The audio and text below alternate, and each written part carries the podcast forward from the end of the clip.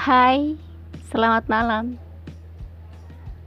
Waktu baru saja memasuki pukul 9. Biar ku ceritakan bagaimana keadaan saat ini.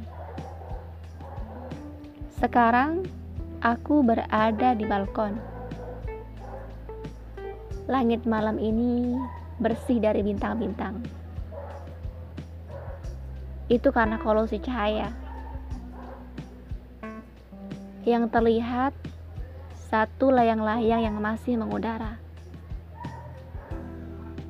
Saat ini musim panas, jadi waktu terbaik untuk main layang-layang adalah sekarang, saat ini. Malam ini aku akan membacakan sebuah cerita yang berjudul kakek, dan tangan sang kekasih. Begini ceritanya. Aku ingin mengisahkan padamu tentang kakek renta yang selalu menggenggam tangan nenek ke mana pun dia pergi.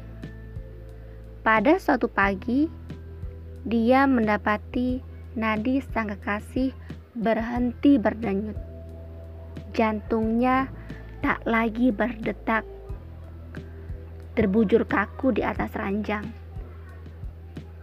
Sudah ia panggil dengan panggilan kesayangan, namun tetap saja bergeming. Dia pikir separuh jiwanya terlelap pula sekali.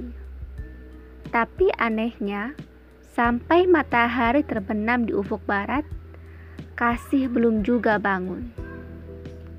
Kakek mulai khawatir. Aku harus mencari pertolongan. Begitu pikirnya.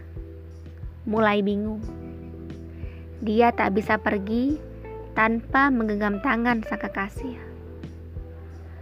Lalu ia meminta izin pada kekasihnya untuk membawa tangan kanannya, yang tentu saja tak mendapat jawaban dia bawa ke mana-mana, mengabarkan kepada tetangga kekasihnya tak mau bangun dari pagi.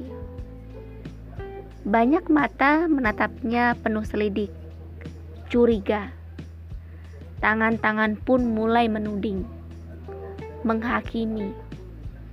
Sementara yang dia tahu hanya mencintai separuh jiwanya sambil terus menggenggam tangan yang dia bawa.